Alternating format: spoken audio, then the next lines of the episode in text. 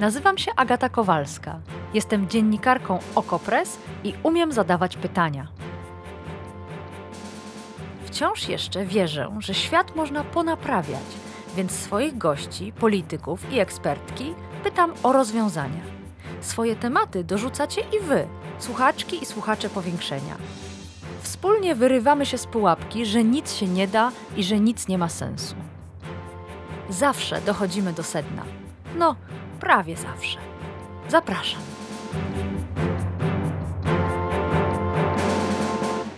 Gdy brakowało maseczek, to Agencja Rezerw Materiałowych miała magazyny pełne węgla, a gdy brakuje węgla, to Agencja Rezerw ma magazyny pełne maseczek. Tak żartuje się w internecie, ale premier jest wyraźnie rozżalony. Miał być węgiel, a nie ma. Jeszcze w maju wicepremier Sasin zapewniał przecież, że węgla nie zabraknie. Wprawdzie, jak donosił dziennik Gazeta Prawna, minister Moskwa nie w maju, a w lutym, w dniu ataku Rosji na Ukrainę, alarmowała premiera, że mogą być kłopoty. Ale została zignorowana. A teraz premier jest zdziwiony. Gdzie jest ten węgiel? Gdzie te statki pełne ekogroszku? Gdzie ten węgiel z polskich kopalni, którego miało starczyć przez 200 lat? Dlaczego składy nie chcą sprzedawać węgla po ustalonej przez rząd cenie? I czym są inne dodatkowe uwarunkowania, jeszcze inne elementy systemu, które mają ten węgiel wyczarować? Węgla dla premiera, no i dla obywateli, poszukamy dzisiaj w powiększeniu. Poszukajcie z nami. A pomoże nam w tym Marcel Wandas, dziennikarz Okopres, piszący na naszych łamach o energetyce. Dzień dobry. Witam serdecznie. Zacznijmy od tego węgla, który jest, ale jest drogi, a miał być tani. To też zaskoczyło premiera. I wyraził to w typowy dla siebie, czyli dosyć pokrętny sposób. Posłuchajcie. Rzeczywiście jest problem na styku naszej próby zbudowania systemu, który doprowadzi do tego, że będzie można kupić węgiel po tej ustalonej cenie, a wolnym rynkiem, rynkiem składów węgla, które musiałyby w odpowiedni sposób zareagować. W składach węgla nie ma tej woli współpracy, jaką zakładaliśmy na początku. Tak mówił premier w weekend w Turowie. Marcelu, czy mógłbyś wyjaśnić premierowi, dlaczego przedsiębiorcy nie chcą sprzedawać węgla za ustawowe 996 zł za tonę i nie są zainteresowani rekompensatą w wysokości 1000 zł 73? Ja przede wszystkim bardzo czekam na tomik poezji e, autorstwa Mateusza Morawieckiego, bo wydaje mi się, że wszyscy to zasługujemy. E, a dlaczego, tak przechodząc już do Twojego pytania, ci mm, przedsiębiorcy nie chcą współpracować? No bo im się po prostu nie opłaca. Jeżeli dodamy sobie kwotę 996 zł, e, za którą ma być oferowany ten węgiel z dopłatą, i tą dopłatę dla składu, która wynosi 1073 zł, no to i tak to jest cena, która nie odpowiada cenie rynkowej i e, nawet najtaniej e, w tym momencie e, w składach węgiel jest oferowany za około 2300 zł, czyli no to jest 2400 nawet. Mm. Więc to jest różnica około 300 zł mm. i w ten sposób po prostu skład jest stratny. No i to jest odpowiedź na Twoje pytanie. Po prostu nikomu się nie opłaca sprzedawać węgla po cenie ustalonej z, przez rząd, nawet z tą dopłatą. To to już zostawmy na boku, dlaczego rząd nie wie, ile realnie kosztuje węgiel. Zastanówmy się nad tym węglem, którego nie ma. Premier dziwił się, że węgiel nie dociera do Polski z zagranicy. Dziś największym problemem jest to, że w ogóle nie ma węgla, ekogroszku w wystarczającej ilości. Spółki Skarbu Państwa zostały poproszone o to, by zamawiały ten węgiel z Kolumbii, z Indonezji, na całym świecie żeby statki z węglem płynęły do Polski. Płyną? No płyną, ale to jest węgiel, który niekoniecznie nadaje się do wykorzystania w gospodarstwach domowych, bo z tym mamy tak naprawdę największy problem. E, z tą luką, która powstała po wprowadzeniu embarga na rosyjski węgiel. On stanowił o lwiej części dostaw dla składów e, opału, E, to było, jeżeli teraz sobie dobrze wynotowałem, e, około 8 milionów ton e, rocznie, no, czyli to absolutna mm -hmm. większość tego, mm -hmm. co potem przerabiały gospodarstwa mm -hmm. domowe i ciepłownie. No i w tym momencie mamy ogromny problem z tym, żeby uzupełnić tę lukę. Według Izby Gospodarczej Sprzedawców Polskiego Węgla udało się zabezpieczyć dostawy gdzieś do marca na 3 miliony ton. No i w tym momencie mamy lukę 5, 5 milionów ton. To jest bardzo, bardzo dużo. Jeżeli przyjmiemy, że w polskiej grupie górniczej limit na klienta, na gospodarstwo domowe zakupowe to jest 5 ton, no to mamy lukę na milion gospodarstw domowych. Mm. Więc no to jest ogromna mm. ilość e, surowca, który teraz musimy w jakiś sposób zdobyć, a jeżeli chodzi o ten na przykład kolumbijski, czy mm. ten z Indonezji, czy też z innych kierunków zamorskich, to z nim jest taki problem, że on w mm, transporcie traci na wartości. To znaczy z niego się da potem odsiać około 20-25% takiego wartościowego rzeczywiście surowca, którym można palić w piecach reszta się ubija, e, reszta jest za drobna i może być użyta no, najwyżej w e, elektrowniach. Mm. A y, premier nie słuchał swoich ministrów ani podcastu Powiększenie. A my już w marcu rozmawialiśmy z Bernardem Swoczyną z think tanku Instrat, który mówił, że generalnie ekogroszku już prawie nikt nie produkuje i że z kupnem będzie duży problem. Jak ci się wydaje, dlaczego rząd aż tak bardzo zignorował problem czy tam brakuje wiedzy? No bo jednak cytowałam minister Moskwę, która ewidentnie miała rozeznanie. Jak próbować zrozumieć to, co się działo od 24 lutego do teraz?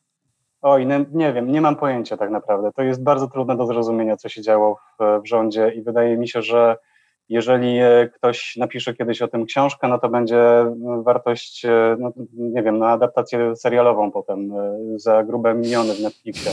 E, naprawdę nie mam pojęcia, co tam, co tam się dzieje i e, kto podejmował decyzje, ale to wszystko były decyzje niedobre i spóźnione przede wszystkim. Dlaczego nikt nie reagował? Nie wiem. No być może to było tak, że rządzący stwierdzili, że teraz jest czas na przykład na to, żeby zbijać polityczne kapitał w e, jakichś innych rejonach. No, no, w tym momencie budzi się nieprzyjemną pobudką, takim ostrym alarmem, bardzo, bardzo mocnym e, z budzika, który naprawdę brzęczy i e, jest straszliwie głośny i musi coś się zrobić z tym fantem, który, którego kompletnie przegapił. Jest jeszcze jedna metoda, to jest nie ustawa, która proponuje składom sprzedaż węgla taniej, ale za to z rekompensatą, jest, jest też polecenie premiera, specjalny taki dokument, wydany dla dwóch spółek energetycznych, dla węglokoksu i dla PG Paliwa, i one miały kupować węgiel za granicą. Premier teraz zapewniał, że, że spółki dzwonią, spółki dzwonią, traderzy dzwonią i oni mają y, kontakty i oni ten węgiel załatwią. Mają czas do, do końca października. Jakie są ich szanse? Jak to oceniasz? To też jest bardzo trudne pytanie, tak naprawdę. Po pierwsze, trzeba było się tym zająć zaraz po tym, jak ministra Anna Moskwa zaalarmowała, że może być problem. Tak naprawdę od pierwszego dnia wojny było wiadomo, że kiedyś będzie trzeba się mm, pożegnać z surowcem z Rosji i e, przecież nawet premier Morawiecki mówił o tym e, jako pierwszy, że trzeba wprowadzić to embargo. Mówił o tym, że jeżeli nawet Unia nie będzie chciała tego embarga wprowadzić, no to my sami wprowadzimy, a w tym momencie jest zmiana narracji. Wajcha idzie w tę stronę, że to tak naprawdę Unia wprowadziła to embargo, tak, tak, tak się kształtują wypowiedzi premiera. A tak, a tak, a pamiętacie Państwo, jak premier mówił, żebym y, nawet dziękował minister Moskwie za kompleksowy projekt, taki cały, całą taką strategię odejścia od rosyjskiego węgla. No i teraz mamy lato i się okazuje, że jednak premier pani minister nie słuchał, tylko jej dziękował. No tak, no tak można to wszystko podsumować. Natomiast e, czy to, co teraz planuje premier, żeby polskie spółki państwowe mm. Mm skupowały węgiel z zagranicy, to, to, jest misja, która może się udać? Nie mam pojęcia. No, trzeba by było znać e, bardzo szczegółowe dane dotyczące stanu e, węgla, nie wiem, w Kolumbii albo Indonezji. Natomiast można z dość wysoką dozą pewności powiedzieć, że ten węgiel pewnie jest już w dużej mierze wyprzedany. Mm. Pewnie 24 lutego byłoby go o wiele, wiele więcej i wtedy był czas na to, żeby dostosować się do nowej rzeczywistości, e, którą sam przecież premier Mateusz Morawiecki zapowiadał. Tak. I e, był wręcz w forpoczcie, jeżeli chodzi o to e, jastrzębie nastawienie do embarga na mm. węglowodory, wszelkie tak naprawdę z Rosji. Mm. Ale rząd myśli dalej i tym razem myśli nad innymi dodatkowymi uwarunkowaniami, jeszcze innymi elementami tego systemu. Być może jednym z tych dodatkowych elementów systemu jest wczorajsza nocna depesza Polskiej Agencji Prasowej, która nagle po 23 podała, że rząd chce wprowadzić jednorazowy dodatek węglowy dla gospodarstw domowych w wysokości 3000 zł. Najpierw może porozmawiajmy trochę o formie, a potem o treści. Jak myślisz, dlaczego to się tak wydarzyło nagle w nocy? na kilkanaście godzin przed kolejnym posiedzeniem rządu. Dlaczego przez Polską Agencję Prasową, a nie przez choćby komunikat rzecznika rządu? No a potem powiedz nam, jakie problemy rozwiąże ten dodatek? Oj, e, mm, ja byłem, byłem w, e, może nie w szoku, ale ciężko przeżyłem ten komunikat. Tak Naprawdę? Dlaczego? Wiedziałem, wiedziałem, czym, się będę, czym się będę zajmował e, kolejnego dnia i że to jest kolejny pomysł, który ciężko będzie wytłumaczyć, dlaczego ludzie mają mieć nadzieje związane mm. z nowym planem rządu. Mm -hmm. Dlaczego tak późno w nocy? No bo była odprawa była odprawa ministrów, e, była odprawa e, z udziałem e, spółek Skarbu mm. Państwa. Ona trwała pewnie długo, no i trzeba było temu coś, coś uradzić. A jeżeli chodzi o samą treść, 3000 zł do ręki, więc to taka strategia znana już z różnych programów socjalnych, takich prosocjalnych, nazwijmy to rządowych, że najlepiej jest chyba dać pieniądze ludziom do ręki, żeby oni się tak naprawdę nad tym nie zastanawiali za bardzo, jak działa system, być może. E, i jak on jest skomplikowany, coś, co działa na wyobraźnię e, i coś, co jest bardzo taką konkretną ofertą. E, być może tak planowali uspokoić rządowi, nie tylko rządowi oficjele, opinię publiczną, która jest w tym momencie tematem węgla absolutnie rozgrzana. Bo ja zapytałam, e, jakie problemy to rozwiąże, a być może powinnam e, była zapytać, jakie problemy to stworzy. Zaczynam mieć e, skojarzenia z słynnymi programami dopłat do kredytów hipotecznych, które sprawiały, że kredyty były jeszcze droższe i mieszkania były jeszcze droższe. Czy ten dodatek może sprawić, że na składach ceny pójdą w górę, bo klient zrobi się bogatszy? No można, można e, tak przypuszczać, chociaż też na składach musi być surowiec. To też jest e, kolejny problem, który jest do rozwiązania. Wiele składów e, ma, ma braki, więc bardzo możliwe też, że w wielu miejscach w Polsce 3000 zł dopłaty ludzie, którzy posiadają te kotły węglowe sobie pobiorą, no ale potem nie będą mieli co z nimi zrobić, bo tak naprawdę nie będzie można ich wykorzystać w składzie węglowym. Ale inflacyjne, że tak powiem, obawy no oczywiście są uzasadnione. Rzeczywiście może być tak, że rynek się dostosuje do tego, że mm, teraz nabywca jest bogatszy. Dlaczego by z tego nie skorzystać? Szczególnie, że zapotrzebowanie jest wiele osób, szczególnie tych, którzy nie mają dostępu na przykład do internetu, mm, co jest warunkiem tego, żeby kupić sobie węgiel z polskiej grupy górniczej. Jeżeli y, tacy ludzie bez internetu, y, y, bez, bez dostępu do możliwości kupienia sobie węgla przez internet ruszą do składów, no to nie będą mieli już wyboru, tylko kupić ten węgiel właśnie w wyższej, w wyższej cenie. Zastanawiam się, mm, czy zadać to pytanie, bo boję się, że odpowiesz, już jest za późno, ale czy są jeszcze jakieś rozwiązania, które rząd mógłby teraz zastosować? Czy jest cokolwiek, co można zrobić, żeby ten milion gospodarstw domowych, który wyliczyłeś, E, jednak miał się czym ogrzać w zimie. W jednej z Twoich mm, analiz tej sytuacji e, Twoja rozmówczyni mówi, że najlepiej to po prostu zaopatrzyć się w dobrą piłę i w dobrą siekierę i zacząć palić drewnem. Czy to jest rzeczywiście najbardziej realistyczne podejście do sytuacji? No, dla wielu gospodarstw domowych pewnie tak Niestety, czas na działanie się skończył pewnie parę miesięcy temu. Nie ma teraz łatwych sposobów na to, żeby uniknąć kryzys, e, który no, jest przed nami. No i e, w, pewnie część troszkę bogatszych użytkowników pieców węglowych w tym momencie szuka na rynku pomp ciepła, które pobierają prąd, e, pobierają go stosunkowo niewiele, jeszcze do tego z instalacją fotowoltaiczną na dachu mogą służyć do tego, żeby te rachunki za ogrzewanie spadły naprawdę do poziomu minim, minimalnego. Ale nie wspomniałeś ani słowem o tym, że Polska węglem stoi i że nasze kopalnie mają zapasów na 200 lat i o zwiększeniu wydobycia po prostu tutaj, u nas. Dlaczego?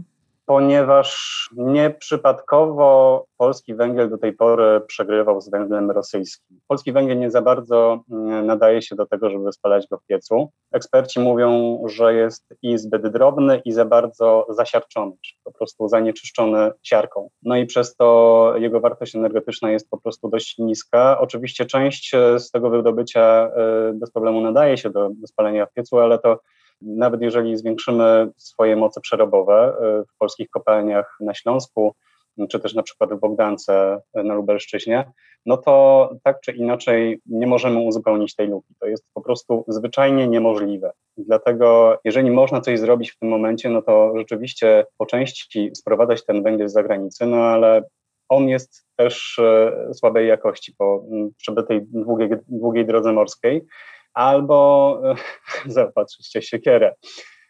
E, I ewentualnie, jeżeli mamy tylko możliwości, no to zmienić źródło ogrzewania na, na pompę ciepła.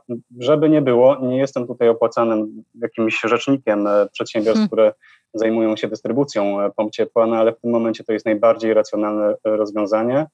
Mm, to jest e, źródło ogrzewania, które pobiera e, dość niewiele prądu, e, a zapewnia ciepło, które jest niezależne od węgla, gazu i innych paliw stałych, które wszystkie tak naprawdę idą w górę. Mówił Marcel Wandas, dziennikarz Okopres, piszący na naszych łamach o energetyce. Bardzo dziękuję za to spotkanie. Dziękuję pięknie.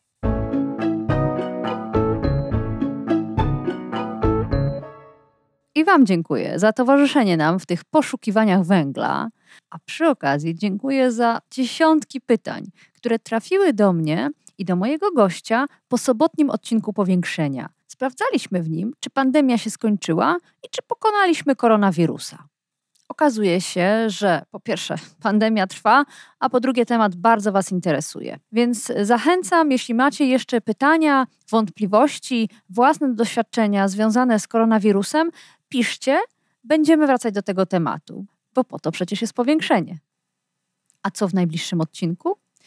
W czwartek brytyjscy torysi mają wybrać dwie osoby, które będą kandydowały na stanowisko lidera partii i przyszłego premiera Wielkiej Brytanii. Kim będą te osoby?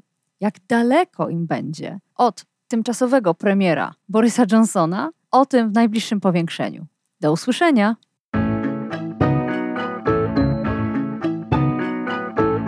To było Powiększenie, podcast Agaty Kowalskiej. Powiększenie znajdziesz na stronie Okopres i w Twojej ulubionej aplikacji do podcastów. Masz pomysł na temat albo komentarz? Napisz do mnie agata.kowalska małpaoko.press Stałych darczyńców zapraszamy na grupę Okopres na Facebooku Twoja okolica. Tam też toczymy dyskusje o świecie i o podcaście. Dziękujemy za Wasze wsparcie.